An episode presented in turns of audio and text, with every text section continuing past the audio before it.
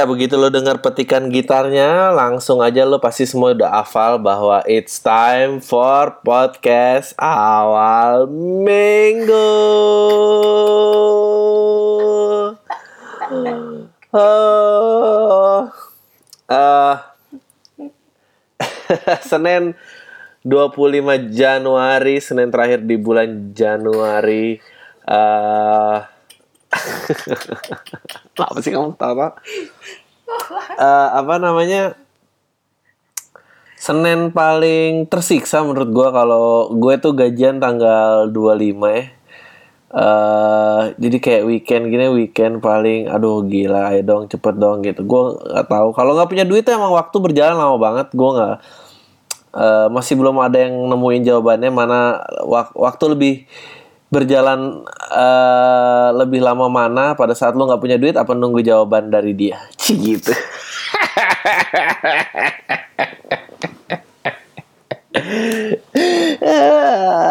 Gila kalau digantungin juga lama banget loh. Zaman-zaman lo tau gak sih inget-inget zaman uh, lagi ngedeketin orang gitu kayak anjing di telepon teleponnya nggak diangkat. Tai dia udah benci gue nih gue selalu kayak gitu loh. Kalau nggak diangkat kayak ah dia benci gue nih dia benci gue dia nggak mau ketemu gue lagi. Meskipun kemarin kita senang senang gue traktir makan gue traktir nonton. Tapi sekarang telepon gak angkat ah mati deh gue udah deh mati mati mati. Terus yang Uh, terus begitu telepon kayak yang sok cool gitu kayak eh iya eh tadi nggak angkat ya? Iya. Kenapa nyari? Enggak iseng aja kirain nggak ini dan dan dan yang kalau dulu tuh ya, yang yang bikin nyebelin adalah lo bikin permainan sama diri lo sendiri gitu. Kayak lo udah nelpon nih nggak diangkat. Terus kayak gue harus kasih waktu berapa lama ya ke diri gue biar gue nggak disangka orang gila nelpon lagi secepat itu. Kayak habis udah dua kali kan bisa dua kali tuh wajar. Tiga kali lah tiga kali masih bisa. Seret nggak diangkat. Dua nggak diangkat. Tiga nggak diangkat. Udah tulus stop tuh lu nggak mau lu keempat tuh lu udah masuk kategori anjing nih orang ngapain sih ya sih ada ada, ada batasnya jadi lu tiga stop abis itu lu mikir kayak oke okay, 20 menit, 30 menit, sejam, 40 menit, ah, oke okay lah 40 menit, sejam kelamaan 40 menit, oke okay, 40 menit, 40 menit, oke okay, 40 menit tuh lama banget tuh rasanya. Nah itu 40 menit di situ sama nunggu gajian Senin, nah itu gue nggak tahu mana yang lebih lama.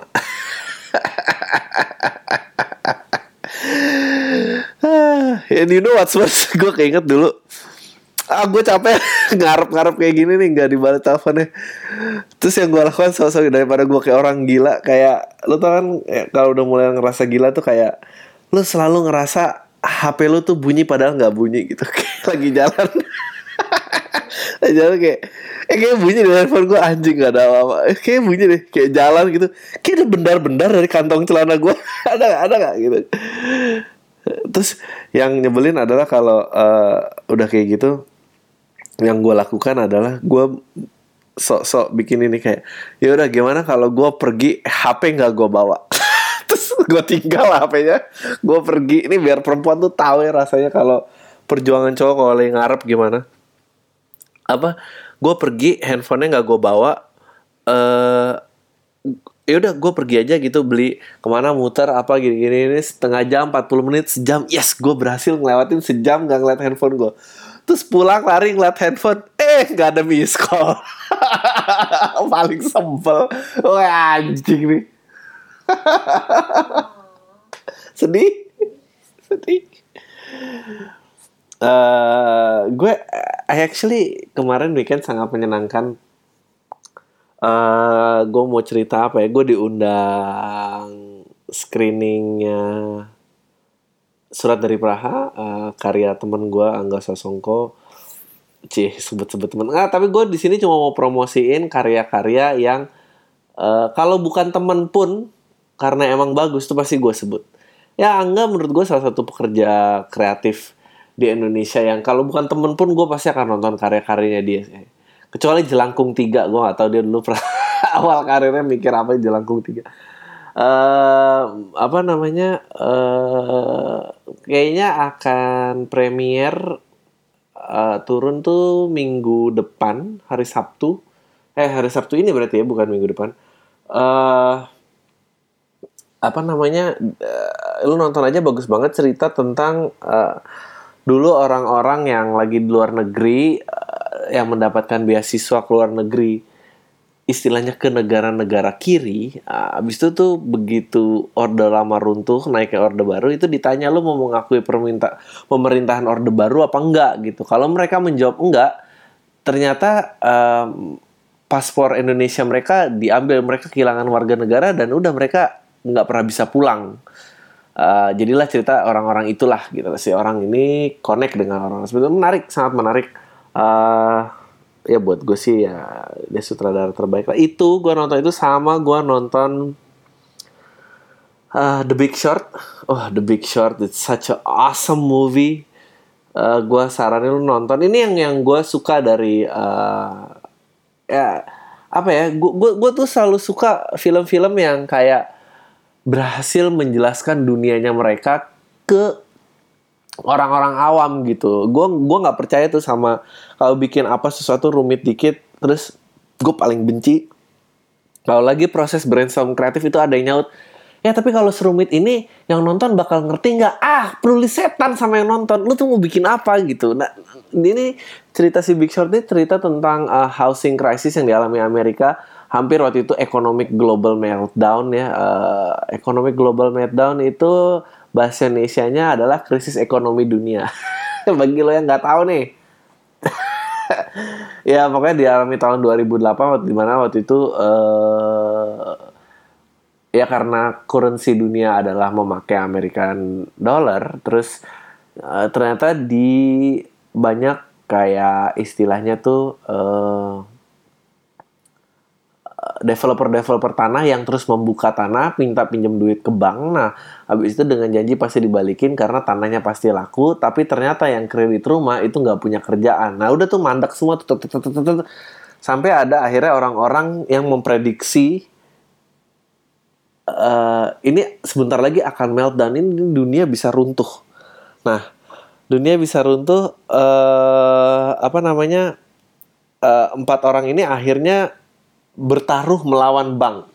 Dia bilang gue yakin model model usaha kredit lo akan runtuh suatu saat nanti. Dan itu tadinya tidak pernah dipertaruhkan terus kayak uh, terus dia kayak ke, ke bank terus banknya kayak ya pak nggak bisa dong buat kayak gini buat gimana? Ya nggak kalau gitu lo buatin lo buatin uh, istilahnya model usahanya dong buat gue gue willing untuk invest uh, sekian juta dolar gitu. Terus dia kayak ya ini bank pak. Kalau bapak mau kasih duit sih kita terima kita bikin modelnya. Ya udahlah dari situ. Dan empat orang ini kaya raya dari situ. Anjing sangat menarik. Dia di uh, eksekusinya dengan gaya mockumentary. Mockumentary itu adalah dokumenter yang di mock, mock uh, dokumenter yang diolok-olok gitu. Jadi seolah-olah dokumenter yang dibuat-buat. Jadi banyak gaya-gaya berbicara langsung ke kamera. Karena kan idealnya uh, dokumenter itu kan eh, apa kalau lo acting biasa kan lo nggak sadar dengan kehadiran kamera. Nah ini tuh dia sadar dengan kehadiran tapi dengan cara yang sangat bagus banget. Tuh soundtracknya juga bagus actingnya juga bagus. Gue nggak bisa antar terus gue ntar abis uh, ini kan gue rekaman hari minggu ya. Jadi gue juga mau nonton uh, apa The Hateful Eight uh, karyanya karya siapa Quentin Tarantino Quentin Tarantino. yes Quentin Tarantino uh, semoga itu juga kayaknya sih bagusnya gue juga ngefans sama Quentin Tarantino. Ya di situlah gue seneng tuh karya-karya yang dan anjir yang lu lihat tuh dunia actingnya udah maju banget ya. Actingnya tuh udah kayak orang normal gitu ya orang normal aja nggak nggak nggak jadi karakter gitu nggak jadi kayak apa beraninya kamu lukai hatiku ini. Sa sayang jangan pergi sayang. Sa siapa sih yang ngomong kayak gitu? Oh lo harus nonton. Nah ya jadi surat dari Praha Full Eight uh, The Big Short. Sangat menyenangkan sekali. Mungkin gue akan rekamannya setengah-setengah kali. Mungkin ntar nonton dulu kalau nggak nyambung gue akan balik lagi. Uh, eh, gue mau ngomong apa tadi um, terus apa uh, ya gue tuh gue tuh suka tuh kayak itu kan uh, Big Short tuh kan ngomongin istilah bank istilah pinjam meminjam uh, kredit rumah istilah-istilah yang asing sama sama pen, pendengarnya gitu. Tapi mereka berhasil menemukan cara berkomunikasi gimana caranya yang uh, penonton awam pun bisa dibuat mengerti gitu. Ya gue tuh malah nggak suka ngasih apa yang ya nggak tahu ya. Menurut gue sih cemen ya ngasih pen, apa yang penonton mau tuh cemen. Karena karena menurut gue ego pertama yang harus ada di atas sana adalah si ego pencipta si itu it, dia Tuhannya gitu. Dan di dan abis itu gimana caranya bisa connect? Udah itu aja. Tapi bukan berarti dia harus bikin sesuatu yang penonton hanya penonton untuk demi pengertiannya si penonton. Aneh menurut gue uh, nggak tahu ya. Gue sih gue juga kemarin uh, kan jadi pembicara tuh di Saint Step ya gitu uh, topiknya letting go fear.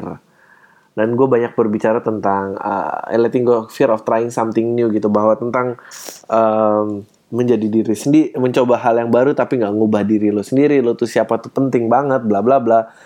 Uh, dan dan um, ya gue nggak tahu ya gue nggak pengen terkesan jadi ah ya Adri juga karena dia nggak laku-laku banget aja bisa idealis gini gini. Gini tapi gue tuh lebih mending mengkip diri gue loh gitu daripada gue harus mengubah demi diterima gitu demi laku. Karena gini menurut gue ya itu paling penting. Menurut gue bagi yang mau membuat sesuatu demi uh, uh, laku biar demi diterima gitu kayak bikin lagu sakitnya tuh di sini gitu. Itu kan lo kayak udah mengamati oh kita nih lagi tren yang ngomong kayak gitu ya.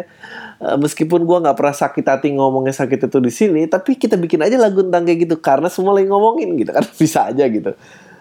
Gua harapin pada saat lo ngejual jiwa lo yang seperti itu gua harapin lo laku. Sumpah gua ngarepin laku. Karena jangan sampai lo udah nggak jadi diri lo terus nggak laku lagi maksud gue ya kayak kita ambil contoh ya gue selalu ngangkat contoh ini ya berulang-ulang. Sih hari ini goler-goler di rumput ya. Itu alhamdulillah loh banyak disebar. Kalau enggak dia dia cuma jadi orang gila yang goler-goler di rumput aja. Iya sih? Itu syukur loh bawa duit ke dia dan laku ini. Coba kalau nggak laku kan orang tuh berpikir kalau gue demi ngelakuin apa yang dia suka apa yang penonton suka gue tuh bakal dibales gitu belum itu itu itu juga berlaku pada saat lo uh, mau ngedeketin pasangan lo gitu. Oh dia emang gak suka sama diri lo udah gitu. Daripada lo udah kasih apa yang dia mau terus ternyata dia tinggal kan sakit hati. Apa sih? Gitu. Kartu Asia perempuan banget sih. Emang aku tuh apa sih yang gak aku kasih sama kamu? Apa semua semua aku kasih sama kamu tuh. Kalau semua udah keperawanan juga berarti. Penyesalan penyesalan memang datang terlambat. Uh, dulu siapa ya yang pernah ngejok? Ya menyesal tuh uh, datangnya terlambat. Kalau yang datang duluan tuh uh, pendaftaran. pendaftaran ya. Penyesalan datangnya di akhir penyesalan akhir kalau datang di awal itu pendaftaran ya. Iya. itu joke dari mana sih? Itu ada nice joke loh, itu observation joke. Tinggi itu bahas-bahas joke. Eh, you, eh, you know what, guys? Nih gue kasih ya, slice of life. Bagi lu mulai penasaran kan nih, istri gue dan kehidupan oh. pribadi gue. Gue kasih slice of life gue hari ini. Gue gue tuh belajar sesuatu ya. Ini gue tuh pada saat mungkin lo udah kawin ya, apa pun yang istri lo masakin dan bikinin, lo abisin, lo abisin. Karena ternyata karena ternyata piring bersih itu memberikan kebahagiaan gitu. Dan gue ngelakuin itu ya sukarela ya. Gue ayo lah gitu. Kalau emang bikin dia seneng ya udah. Gue mau piring gue ber, bersih setiap dia nyajiin makanan apa. Nah yeah. tadi pagi tadi pagi nih memang tai banget. Joroknya luar biasa. Jadi tadi pagi gue tuh dikasih sarapan uh, edamame. Bukan ya cemilan lah. Cemilan sehat edamame bagi yang nggak tahu edamame itu kacang kedelai. Kacang kacang kedelai. Edamame itu kacang kedelai Jepang yang warna hijau. Ngerti nggak? Kalau lu nggak tahu itu juga anggap aja kacang lah sama aja. Dianggap lo dikasih kacang. Kacang nah. Terus kan gue makan ya edamame nih. Gue makan makan makan. Kan gue berusaha bersih kan. Kamu jangan ketawa ya diam kamu. Dengerin. Terus gue makan nah terus kan lo tau kan kalau kacang direbus tuh kan kulit arinya suka ngelotok kan tinggal kacangnya doang. Ya udah tuh di piring-piring itu tuh ada kulit-kulit ari di pinggir gitu. Terus gue ya udah gue makan aja gitu sayang kan nih.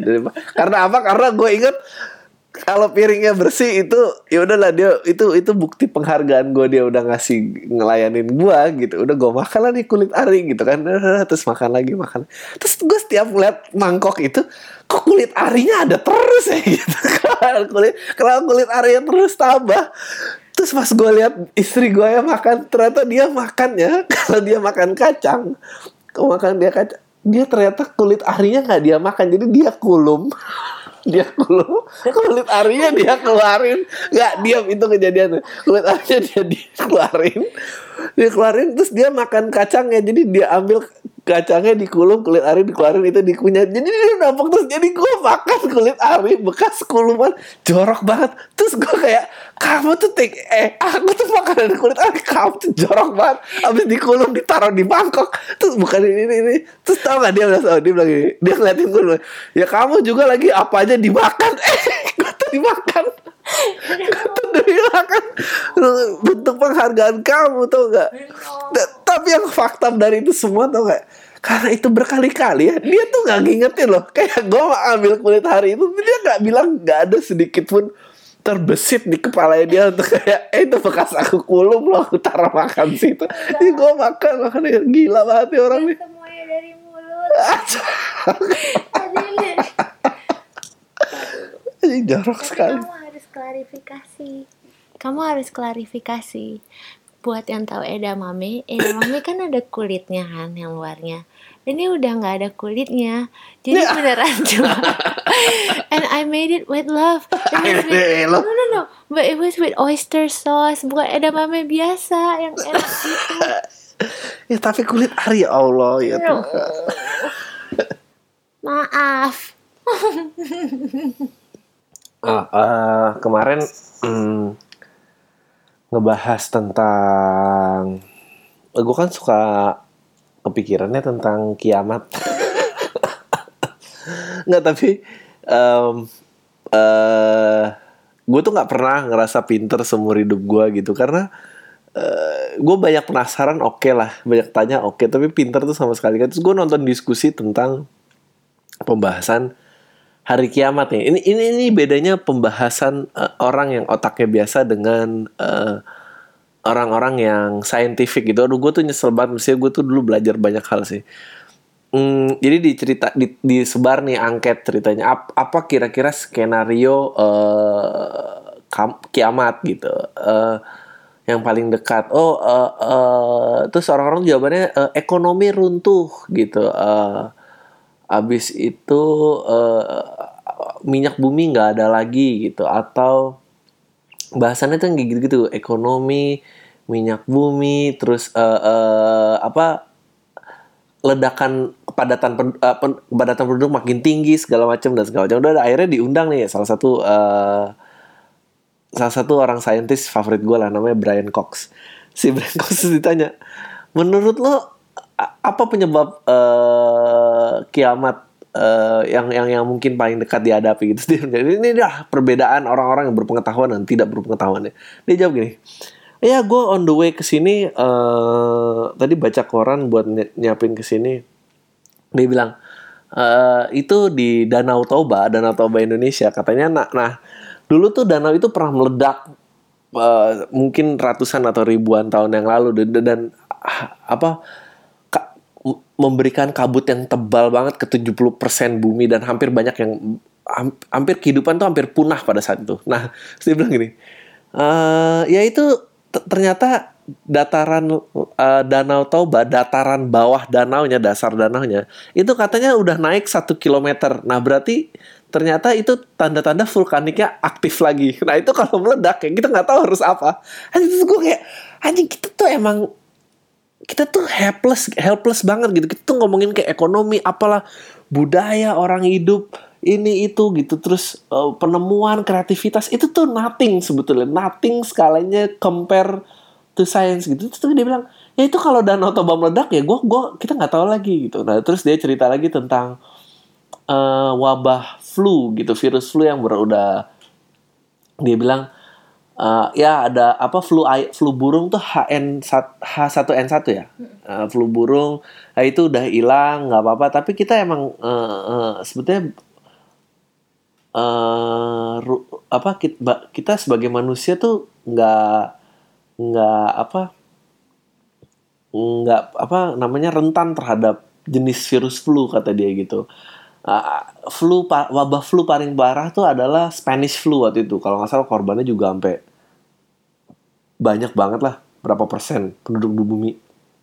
Itu dia cerita bahwa oh ya itu karena kutub utara mencair ternyata virusnya tuh ada beberapa di sana gitu dan ini dan itu nggak sengaja jadi aktif lagi jadi virusnya sekarang berkeliaran lagi jadi itu ya katanya in a matter of time aja before itu ntar kick in lagi anjing kayak gue dengerin fakta-fakta yang gitu tuh helpless banget terus dia bilang eh waktu itu ada lagi bintang namanya eh, Betelgeuse Betelgeuse itu jaraknya 60.000 tahun cahaya jadi nah bintang itu meledak 60.000 tahun yang lalu dia mengalami eh, supernova Nah, ledakan cahayanya itu kan 60.000 tahun akhirnya nyampe ke bumi. Nah, nah itu katanya. Untungnya bin- bintang itu dia eh, kalau posisinya pada saat meledak tidak bergerak, jadi kayak bentuknya horizontal, itu nyampe di bumi itu juga mati tuh semua. There's nothing we can do. Tapi untungnya begitu meledak, bintang itu dia bergeser beberapa derajat ke atas dan jadi akhirnya pada tahun 2000 an berapa lah di langit sempat kelihatan kayak gini. Nah itu cuma akhirnya lewat doang gitu. Nah itu juga there's nothing we can do. Itu gue kayak bahas ini kayak anjing nih. Sebetulnya kita nih apalah arti kehidupan ini? Hah? Apalah arti cinta lo yang nggak dibalas itu? Gitu. Gue sengaja nih ngomongin cinta siapa tahu menaikkan frekuensi pendengar. Udah nggak naikin frekuensi pendengar. Sok-sok belaga masih PDKT perempuan padahal udah lama. Terus yang terakhir kayak Terus yang eh, it- itu kan udah lewat semua. Jadi Spanish flu juga nggak tahu masih kapan. Dan Toba juga mungkin masih lama. Terus yang ada lagi dia bilang ada meteor yang katanya eh, asteroid bakal lewat namanya The Apophis A P O P H H I S tuh gue aja nih. Orang-orang kalau gue salah pada ribut banget kemarin gue bilang The Who vokalisnya gagap nih Pete Townshend nih nggak gagap gini gini, gini. Vokalisnya Roger Daltrey gitu bukan Pete Townshend. Gue nggak tahu dia disengaja apa enggak gagapnya tapi yang jelas dia memutuskan attitude-nya untuk gagap di My Generation. Ada beberapa lagu juga yang dia gagap. Gue nggak ngerti sih ya, apa tapi ya intinya adalah dia melakukan sesuatu yang tidak konvensional nyanyi lah gue ngomong ini kayak lu seolah-olah tahu apa yang gue omongin aja. Kayak udah selalu ngikutin gue aja. Nggak jadi gue suka sama attitude orang-orang yang kayak nah kalau nyanyi kan harus merdu harus on point gitu. Itu ada orang yang bikin lagu melegenda sepanjang masa. Ya tapi nyanyinya gagap tuh makan tuh teori lu. Gue tuh suka tuh orang-orang kayak gitu. Ini nih baik lagi. Nah dia bilang Opophis apa tadi dia bilang? Op Opopis Opopis nah Opopis itu akan lewat di eh, katanya pecahannya tuh bener-bener sampai ke weather satellite. Jadi bener-bener at- lapisan atmosfer itu semoga nggak kena bumi katanya. Tapi ini lebih kecil daripada yang bunuh dinosaurus. Tai banget ya ngomongin tapi ini kalau nabrak bumi misalnya nabraknya ke Amerika pantai barat aja tuh pasti musnah mati semua. Dan habis itu tsunami gede. Katanya itu akan lewat tahun 2029 dan lewat lagi 2036 jadi itu cuma berapa tahun dari sekarang sekarang tahun berapa 2016 meaning 13 tahun tahun lagi. Enggak dong. 2000 ah 2025. enggak 2029 13 tahun lagi ya 13 tahun lagi anjing gue masih ada lagi gue Iya. Gue kalau emang itu ntar nabrak gue gue berharap yang jadi mati aja loh. Gue gak, gue gak pernah ada bencana alam gede gitu terus jadi kayak apa badan kebakar muka tinggal setengah hidup lagi. Aduh, gue nggak bisa tuh gue mendingan ikut ikut yang korban aja lah. Tiba-tiba dark gini.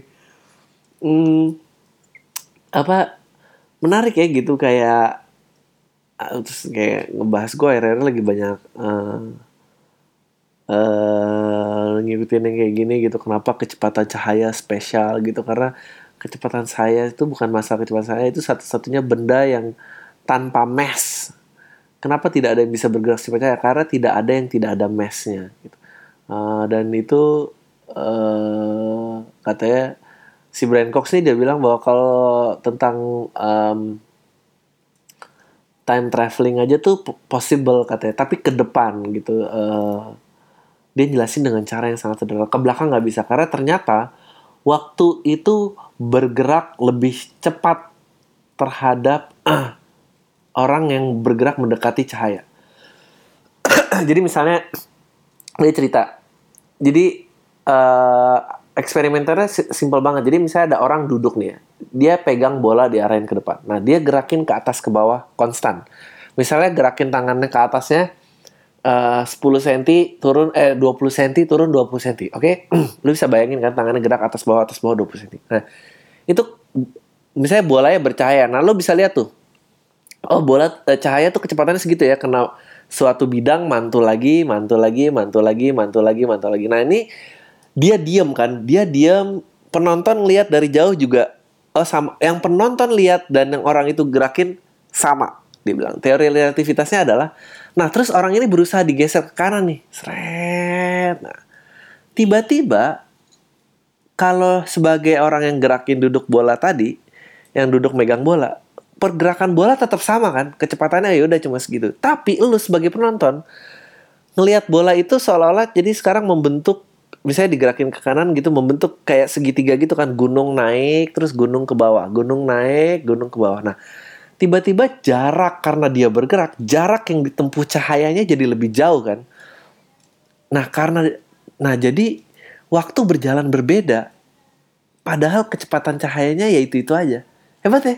Gue kayak anjing? Iya juga ya gitu. Jadi katanya kalau orang diterbang tapi itu kan kecepatannya mikrosecond banget lah digeser ke kanan tuh ya cuma berapa sih kecepatannya? Paling cuma digeser geser pelan-pelan. Tapi kalau lu diterbangin pakai roket misalnya lu ke Jupiter terus lu balik lagi. Misalnya per- perjalanan ke Jupiter 10 tahun lu nyampe sana sampai 10 tahun sini sampai 10 tahun. Nah itu katanya di bumi itu ntar di bumi udah lewat 26 tahun. Jadi lu actually ke future-nya bumi No. hebat ya Hebat.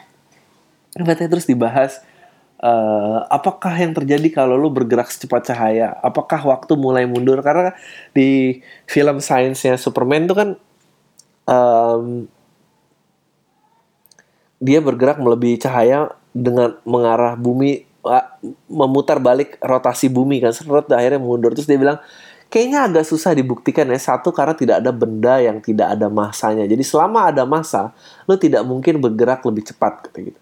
Nah katanya kalau lo bisa bergerak eh, dari secepat cahaya kata kayak yang terjadi adalah lo katanya nggak ngelihat apa-apa.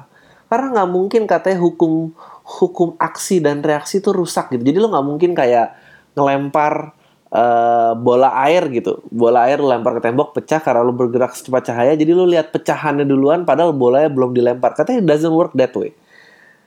Katanya lu nggak ngelihat apa-apa. Katanya yang lu lihat adalah cuma cahaya yang bergerak searah sama lo atau yang kebetulan menuju ke arah lo. Anjing menarik banget. Like it's ya tapi ya itu I'm I'm I, ya gue kan orang bego ya gue nggak tahu banyak. Eh dan sudah setengah jam. Jadi gue cuma ngomongin. Oh tadi ada apa aja tuh topiknya? Menunggu tentang eh istri gue ngekulung kulit ari edamame terus gue makan. Sama tentang eh tentang sains eh, ini ya kecepatan cahaya. Lumayan kan lo lebih pinter dikit meskipun gue kayaknya pasti salah sih jadi jangan dipercaya. Ah kalau gitu mungkin ada baiknya mulai masuk email aja kali ya. Men oh enggak enggak. Gue sebelumnya gue gue pengen ngomong lagi tentang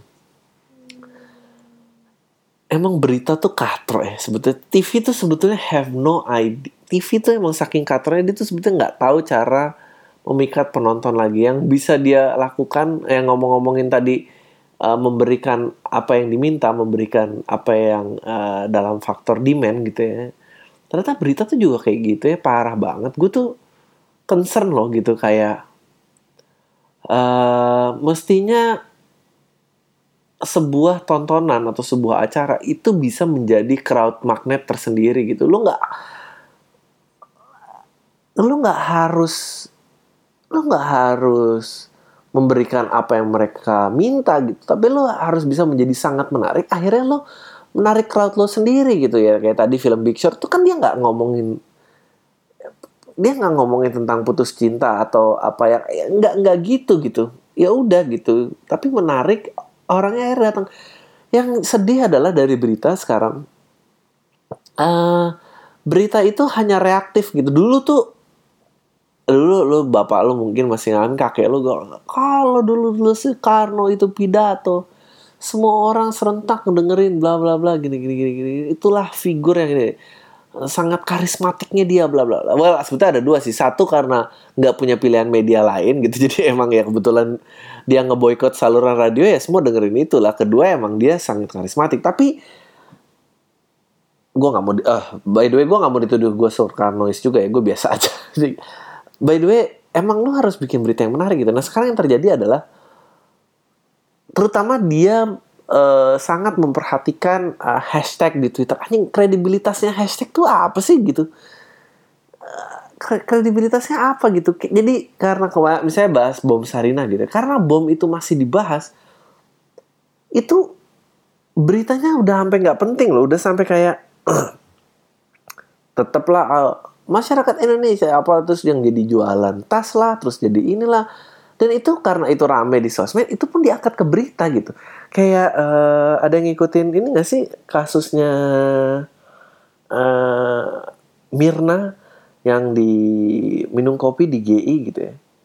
Itu kan itu kan oke, gue bukannya mau meremehkan orang yang meninggal ya. Itu kan korbannya cuma satu kan. Oke dia diracun sama temennya. Tapi karena kita tuh rame banget di sosmed, itu berita yang diangkat. Sekarang udah sampai kayak uh, suara, suara pengakuan teman Mirna. Suara asli Mirna. Apa lagi? Maksud gue udah udah nggak ada kait kaitannya. Kayak semua diberitain kecuali pelakunya gitu. Ini udah over over information banget. Sampai di titik yang fakta menurut gue adalah racun yang dimi, dimi, diminum Mirna tuh dapat membunuh 15 orang. Jadi kayak sa- satu berapa gram sianida yang dibutuh jadi untuk membunuh satu orang dibutuhkan sekian gram sianida. Anjing ini udah nggak ada kaitannya sama kematiannya Mirna gitu. Tapi karena karena kita tuh rame banget gitu.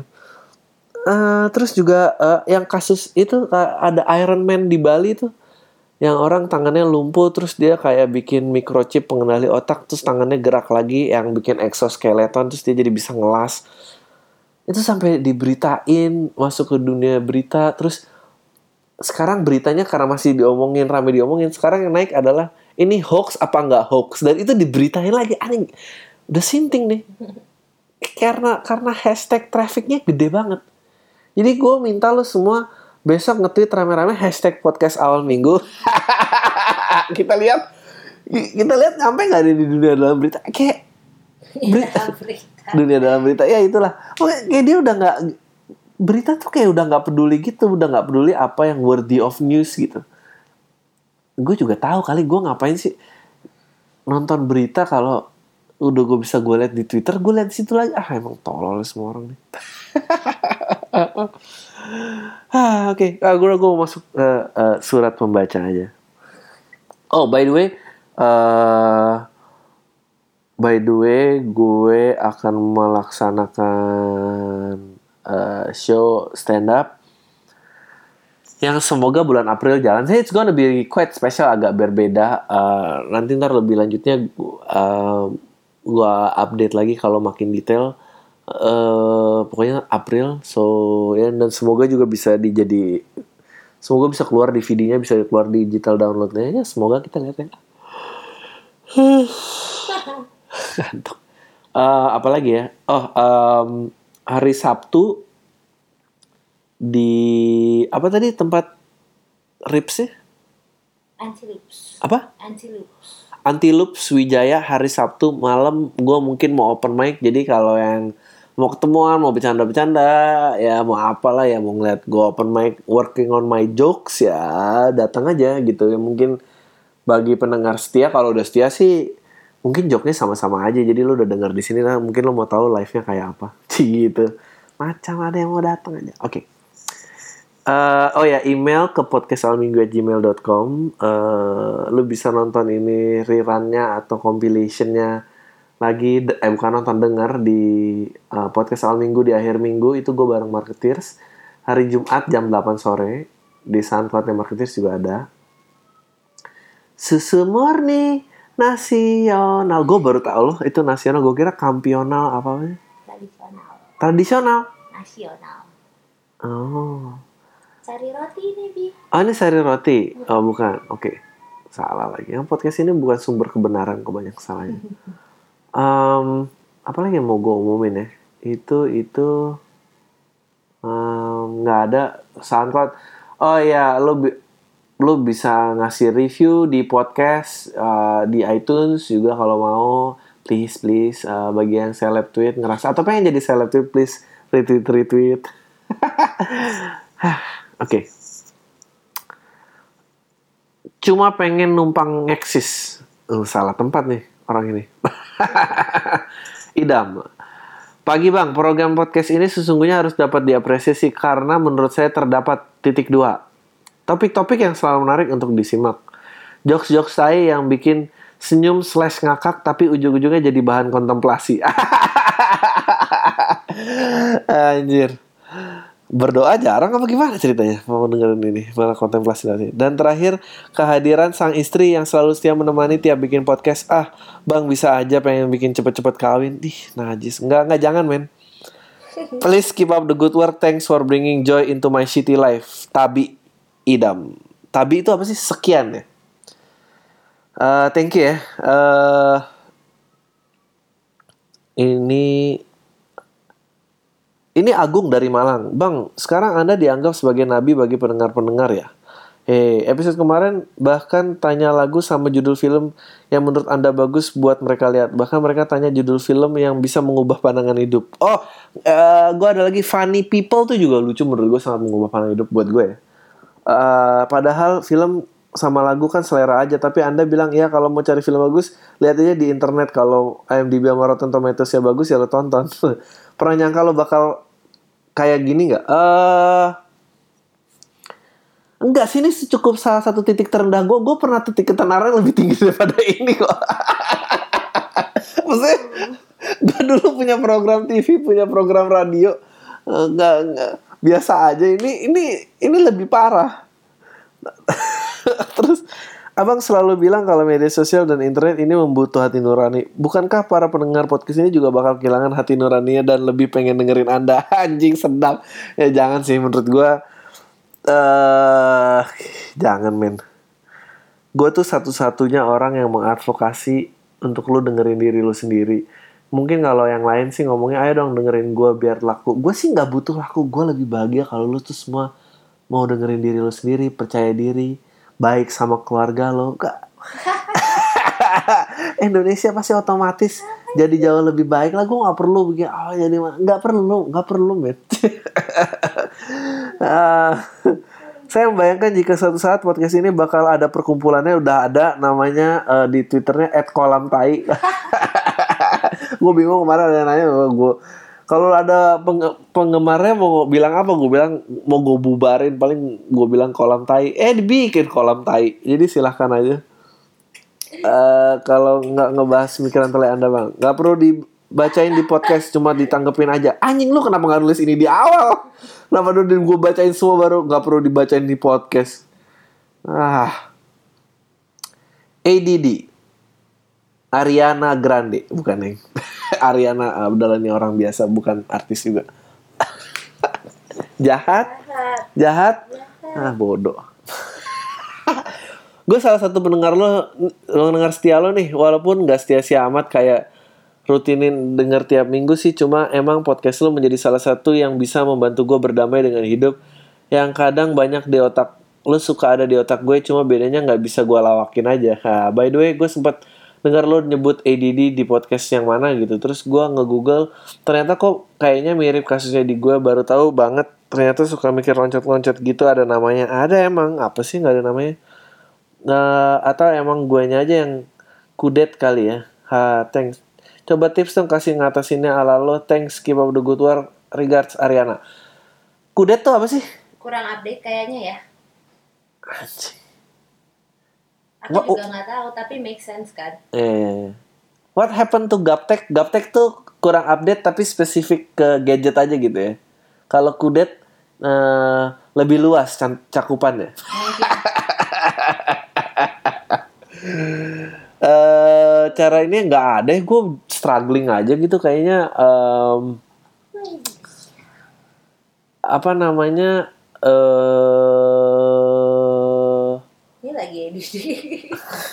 Ya ini edit ini kayak gini. Ya udah gue berdamainya eh, eh, eh, apa gue biasanya ke nggak tahu gue ya gitulah. Nggak ada sarannya main udah berdamai aja. Bilang Agung dari Malang. Kemarin saya lihat di Penn and Teller bullshit season 7 mereka membahas tentang astrologi. Mereka cerita bahwa astrologi is a bullshit bahwa mereka bahwa selama ini yang kita baca hanyalah gambaran seseorang umum tentang keberadaan seseorang. Terus kita harus percaya mana apa sih? Mana horoskop apa sio? Apa yang lain sebagainya? Kan istri saya sangat percaya akan astrologi. Mungkin bisa diajak ngobrol soal ini. Mungkin bisa nemu lucunya. PS jelasin ke pendengar anda tentang Penn and Teller. Takut aja ada yang nggak ngerti. Telek hahaha. Penn and Teller tuh apa ya? Gue juga nggak tahu. Eh baby coba coba coba, coba. Kita kita coba kamu sini. Astrologi tuh bullshit apa nggak bullshit Astrologi yang kayak ada ramalan bintang di majalah gadis, Iya. majalah kawanku itu itu bullshit sih. bullshit Bullshit. tapi kamu percayanya sampai mana Membaca kepribadian. dan kepribadian tuh bisa dilihat di mana buku yang paling kamu rasa oh ini dia nih gitu apa berdasarkan pengalaman sakit hatinya kamu aja Pengalaman sakit hati. enggak. Enggak lah, enggak enggak baca buku sih soal astrologi. nggak ada tapi how do you know people consistent no emang Pisces nih kayak gini nih Ya, oke No, Leo is like you most of the time. Leo always kayak gue Mm, Leo tuh kayak Adri karena ah, maunya di spotlight. Ini aja udah nggak tenar masih nyari spotlight. eh kalau aku mau di spotlight aku nggak aku mau kawin dan berbagi panggung dengerin di podcast Iya. No no tapi tapi masih. coba coba coba. kayak- apa yang apa yang kamu eh, eh, apa eh, yang sering kamu ketemuin konsistensinya? Ah, Pisces gimana ini gimana ini gimana? Yang pengalaman hidup kamu kan nggak baca buku nih? Hmm, aku deh. Ya. Biar nggak judgmental ke orang lain nggak Capricorn judgmental gitu. juga nggak apa-apa. Ini ini podcast aku kan Ya nggak biarin apa-apa kamu aja yang judgmental aku sih. nggak mau loh nggak Capricorn gitu. Hmm. Misalnya aku Capricorn is an overthinker gitu kan uh, mikir gitu apa-apa dimikirin. Sometimes uh, crowd pleaser mau nyenengin orang, tapi aku udah lepas sih yang kayak gitu-gitu, nyenengin semua orang gitu kan. Capek. Capek, Bi. Terus habis itu uh, aku di momen yang salah dong kamu kamu aku di momen yang salah dong Iya, aku milih-milih lah kalau Oh, nyenengin oke. orang. Terus? Terus, kalau misalnya uh, cenderung baik hati, tapi kalau misalnya udah disakitin ya udah tahu sama tahu aja. You might not wanna be friend with that person again gitu. aku juga gitu Itu kayaknya karena kamu ignoran deh, karena kamu No beda, beda harus Gimana, lihat rootnya. Kalau Leo tuh a burst of ego, makanya kalau Iya. kamu misalnya nggak berkenan gitu temenan sama si A ya kamu nggak temenan sama si A karena Oh, Ego kamu mengatakan karena ego tidak. aku kayak Eh, ah bodo amat dia ngerasa lebih kalau aku ng- memutuskan hubungan sama orang ya teman atau apa gitu karena eh, karena mm, unforgivable aja. Iya, iya, iya. Dan kita ketemu itu gara-gara eh, kita banyak nyingkirin teman masing-masing dan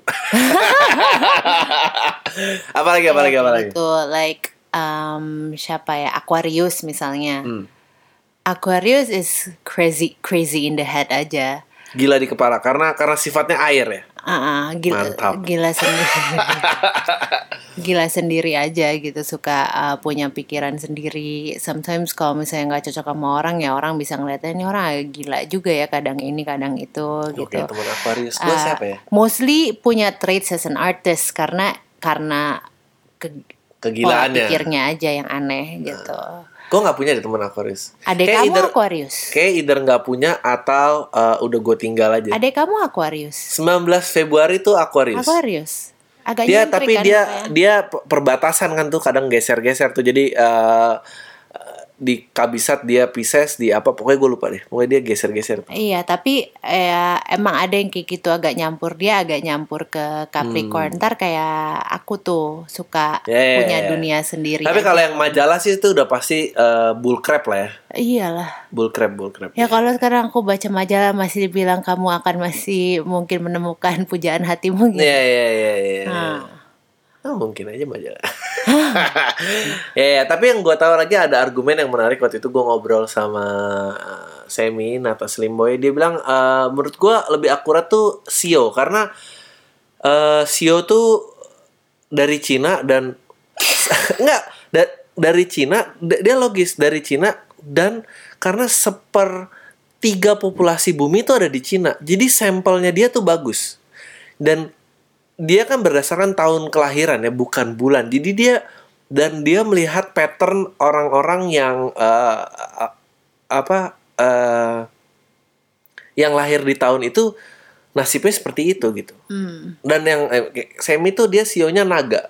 Dan dia banyak banget sifat kepemimpinan. Dan and, and it is emang ternyata naga tuh traits pemimpinnya banyak. Hmm, aku juga sih, aku kan kerbau. oh, ya Kerbau tuh katanya bekerja keras, Iya, iya, terus iya, iya. eh, ya maksudnya eh, bisa eh, ini apa bertanggung jawab. ya ya ya, ya. Eh, Bener, bener, tapi bener. aku suka nggak ngerti karena kalau misalnya Shio itu kan berarti luas banget kan semua yang lahir di tahun aku itu Shio kerbau kan. ya It doesn't kenapa nggak ekonomi membaik dunia membaik ya pak Nah, kalau it emang ada sekian banyak kerbau yang lahir Mestinya dalam satu baik. tahun jebret gitu Nah, maksudnya lebih banyak kebaikan Ya, di dunia mestinya ini. mestinya di situ apa dol, apa rupiah menguat gitu ya. Harga minyak bumi turun tapi Iya. enggak gitu. Begitu orang-orang dewasa mesti kita tapi ternyata enggak. Ya jadi ah, mungkin korupsi ujungnya apalah.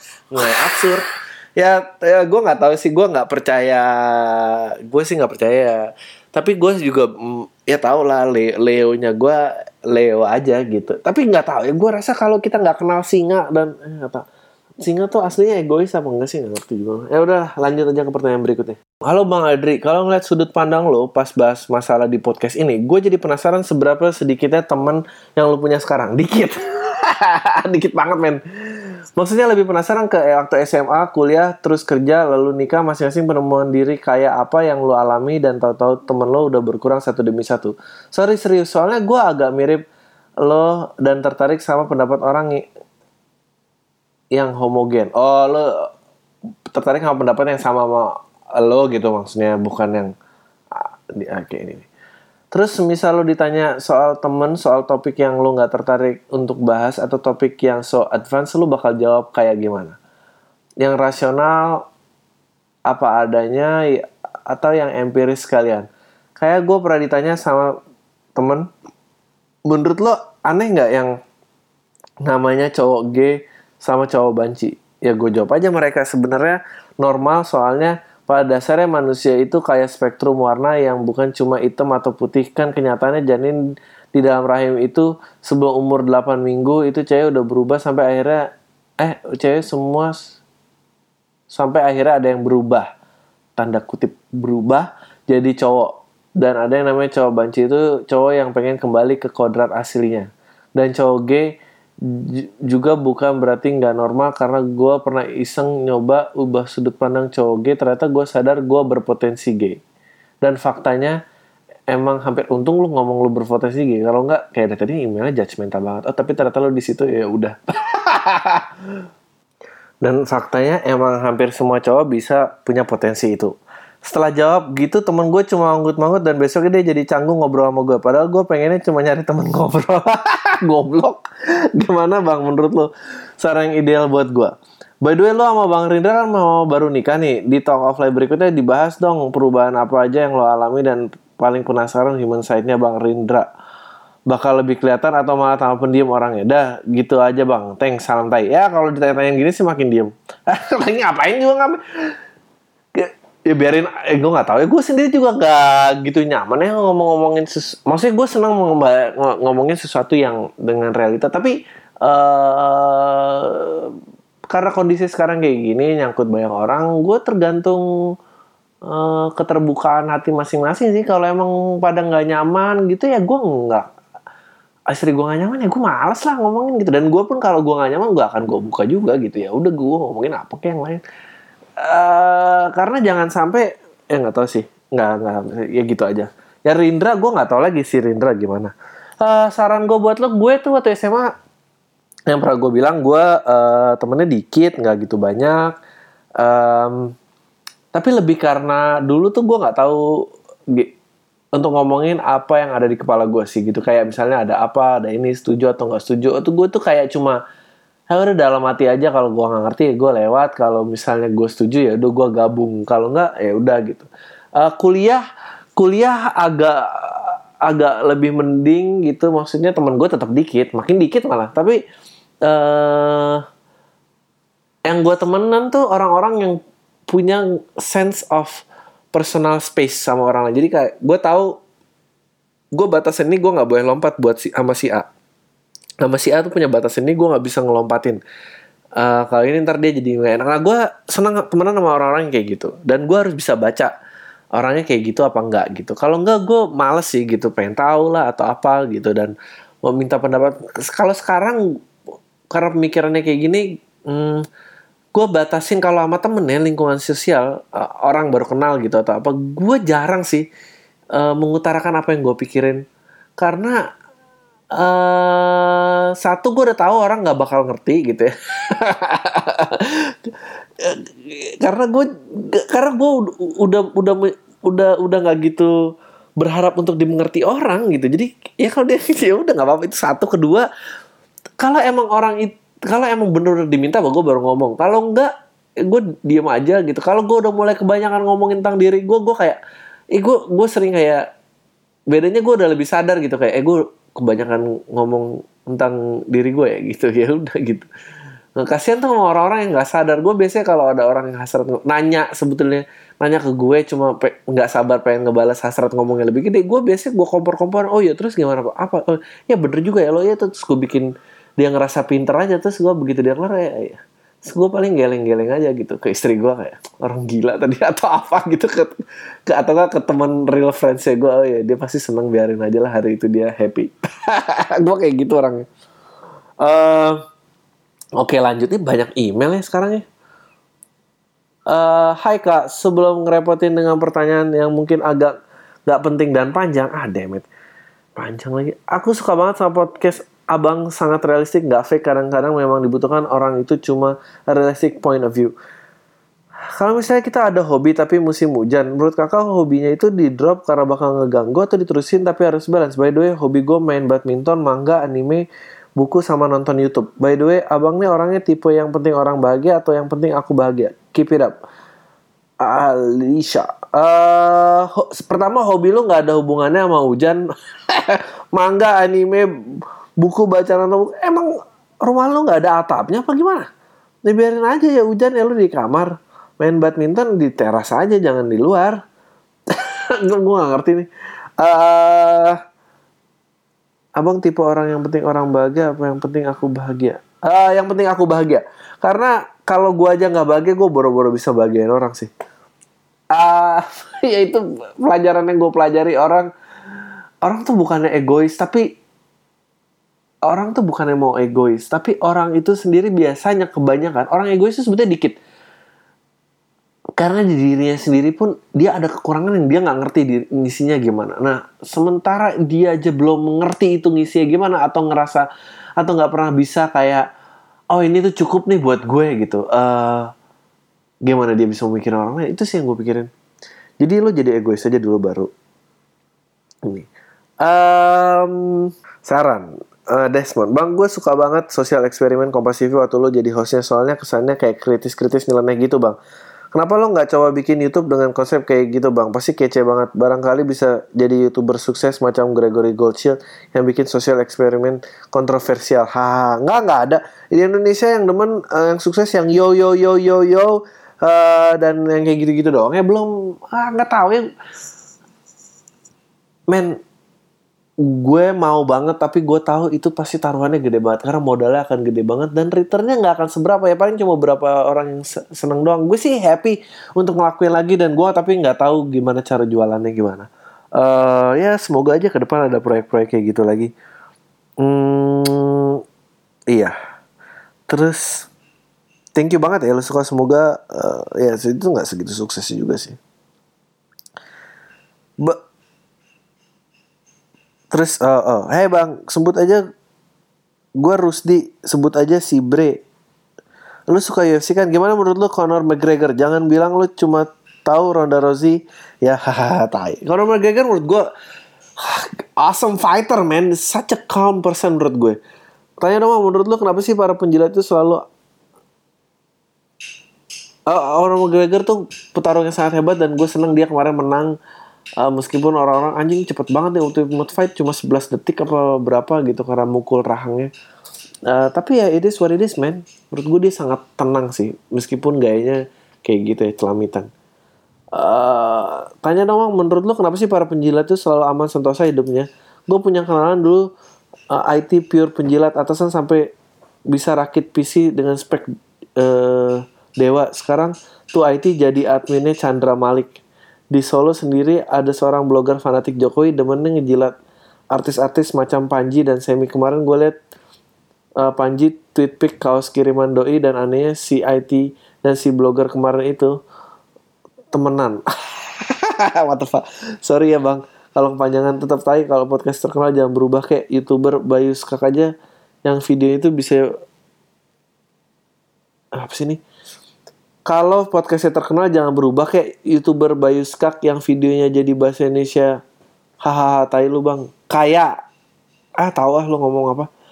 Eh, iya penjilat tuh emang gitu. Gue seneng ngeliatin eh, yang kayak gitu-gitu. Gue salut gue kalau ada dokumenter tentang gimana penjilat dari miskin jadi kaya atau ap- apa eh, karir rendah terus jadi tinggi para penjilat. Gue mau nonton karena gue pengen pengen tahu gitu kakak gue punya kekaguman sendiri. Anjing nih orang nggak punya apa-apa tapi bisa di atas. Berarti emang survival skillnya hebat aja. Dan dia ketawa lagi. Ya buat lo yang pengen tahu eh, tadi dia ketawa karena gue lagi rekaman kayak gue nyium ketek gue sendiri gitu. Dan mic-nya kena kaos gitu maaf ya berisi habis kayaknya kayak asem-asem banget. Sih eh tapi nggak apa-apa. Bau tuh nggak apa-apa. Bau tuh nggak apa-apa sumpah. Yang nggak boleh tuh lu nggak tahu kalau lu bau itu yang nggak boleh semua mau bau gitu gue kayak gue nggak ngerti sama orang-orang yang bau ketek jalan aja gitu ke mana-mana anjir lu pikir kita nggak sharing udara apa gimana gue nggak tahan jadi bau dikit ini ntar gue mau ganti kaos Ah. Oke. Oke, masih bisa nih. Berapa menit sih? Oke. Bang, gue Meliana lagi. Astagfirullah. Dia. Jangan bosan bacain email gue ya bang. Atau gue keseringan. Nah enggak sih. Bang kira-kira kalau ada temen deket yang nembak lo Lo bakal ngapain? Aduh gue gue lelaki ya. Gue nggak gue nggak pernah nolak perempuan. Bukan karena gatal Tapi kayak aduh nih kalau nangis Gue nggak tahu harus ngapain. Kalau perempuan kan kayak udah sering nolak cowok ya. Bang gue bingung banget sekaligus nggak nyangka. Gue nggak tahu mau bilang sama siapa lagi. Gini ceritanya Gue sama dia udah jadi sahabat karib sekitar tiga tahunan lah. Gue nggak tahu selama ini dia udah mulai ada rasa sekitar tahunan lebihan. Katanya gue nggak peka banget dan cuekan orang. Jadi gue nggak ngerti selama ini apa yang dia rasa. Apa yang dia rasa? Gue kaget banget pas dia bilang suka sama gue kalau menurut lu gue tolak gimana cara penolakan yang benar biar nggak ngerusak persahabatan kita. Dan dunia berjalan seperti biasa lagi jadi sahabatan lagi. Ya ya nggak bisa lah. Atau gue terima karena dia udah memendam cinta ini cukup lama. Tapi kan cinta nggak cuma kasihan aja. Ya kan gue bilang ini kalau cowok ke cewek sih gue kasihan ya udah terima aja. Anjay sampai sekarang gue masih bingung ini bukan sinetron ya bang? Ya lu nulisnya kayak sinetron. Cik gitu. By the way ini doa ucapan ultah gue dari podcast al minggu semoga nggak single lagi. Kemudian dengan cepat Tuhan pun menjawabnya. Cie su- sukses spamnya. Ah ya nggak tahu ya menurut gue ya lu cuma bisa bilang aduh maaf ya um, Ah, kamu gimana? Kamu pasti sering kan nolak orang coba sini sini sini sini sini sini. Gimana cara nolak eh, biar nggak bikin sakit hati eh, kalau sahabatan? Aduh. Susah sih. Nggak bisa ya? Enggak kalau kalau misalnya Kamu nggak pernah ada sahabat yang suka sama kamu? nggak pernah. Nggak ada ya. Em, tapi kalau misalnya ngarep semuanya akan seperti biasa sih nggak mungkin. Nggak mungkin ya. nggak mungkin.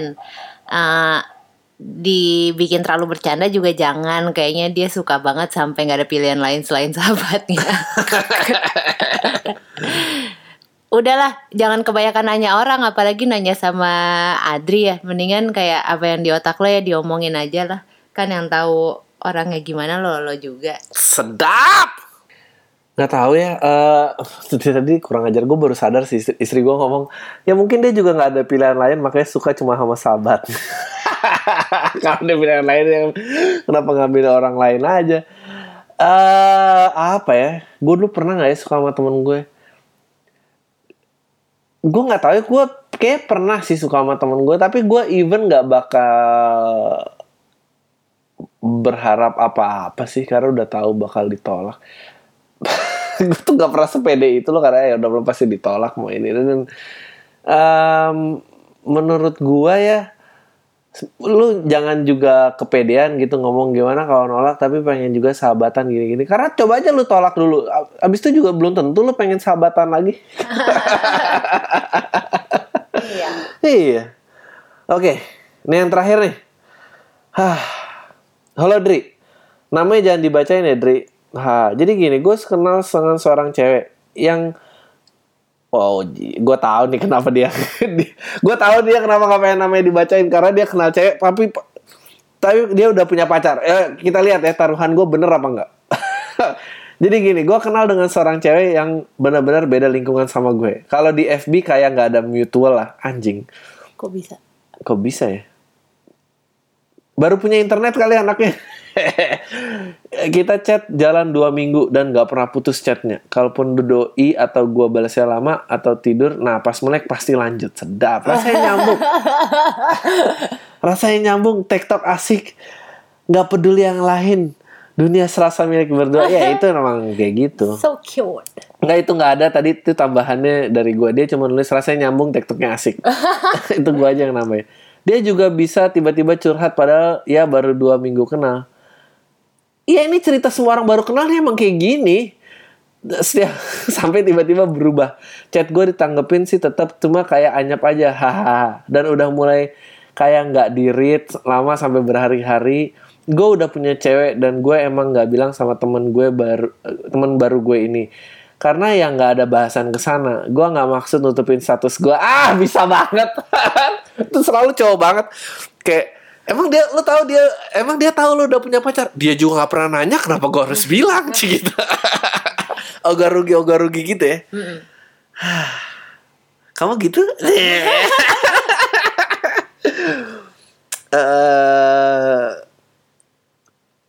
apa ya gue gak mau satu karena ya kalau dia cek sosmed gue pasti gue gampang taunya kalau gue udah pacaran ah. Ya lu ah lu mah bisa aja. Ya, lu tuh kayak nanya gini kayak apa? Emang dia nggak tahu lo ngelakuin? Ya gue nggak di gap ya gue nggak salah dong. Ya lu nunggu di gap gitu gimana sih? Nah pertanyaan gue nih apakah menurut lo doi berubah karena tahu gue udah pacaran? Jujur.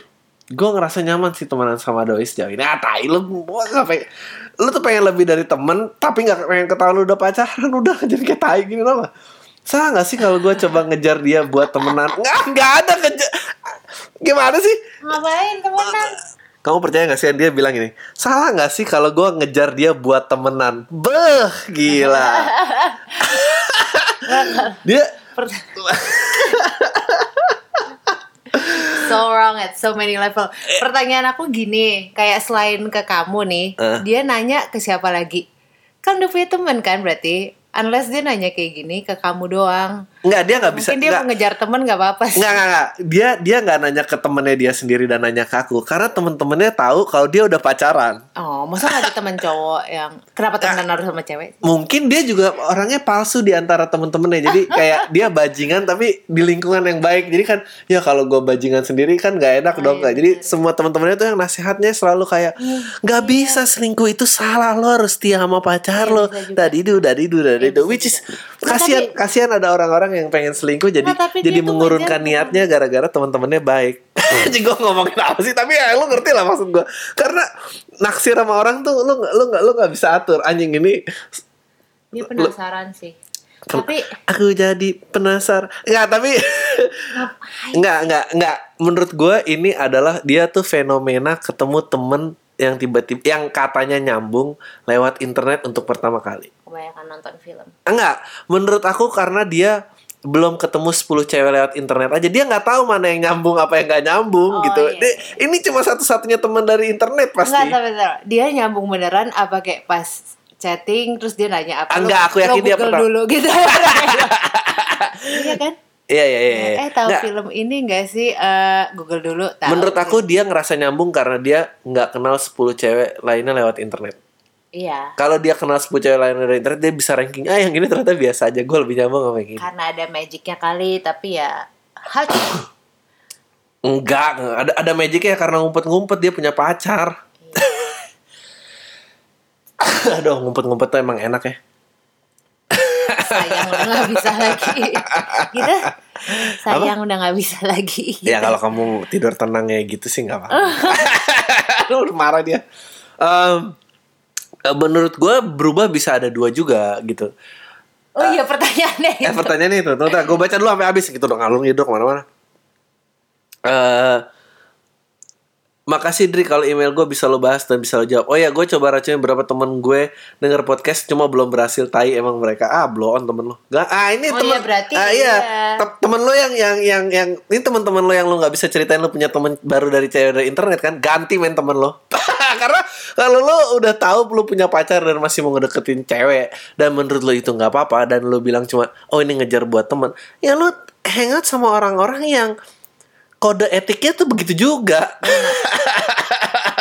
Bawa pacaran dan punya kejar teman sebagai sampingan itu nggak apa-apa.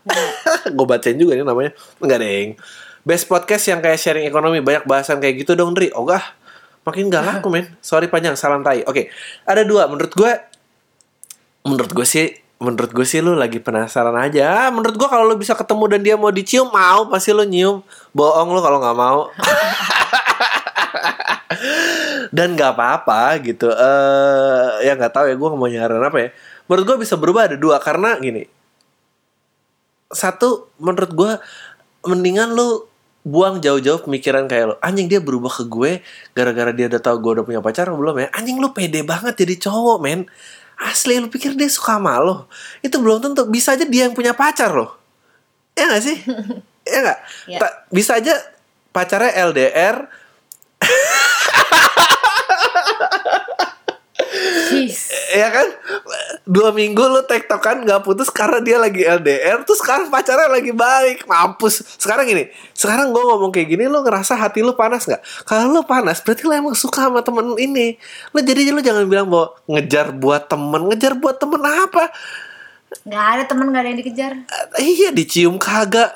Disuruh nganter pulang doang. Buat apa coba? Ah, udah itu aja dari gue Em, thank you banget eh, dari kita ya thank you banget so eh, ya udah gue ulang lagi tadi eh, open mic kalau mau ketemu Sabtu di apa tadi namanya Anti loops. Anti Loops hari Sabtu. Uh, gue semoga ada acara off air uh, bulan April. Uh, it's gonna be quite special. Uh, semoga ada digital downloadnya. Seperti biasa. Aduh gue capek ngomong kayak gini. Please lah udahlah follow retweet apa yang gitu gitulah. Tulis komen. Dulu dari dulu. Oke, tayo lu semua. Dah.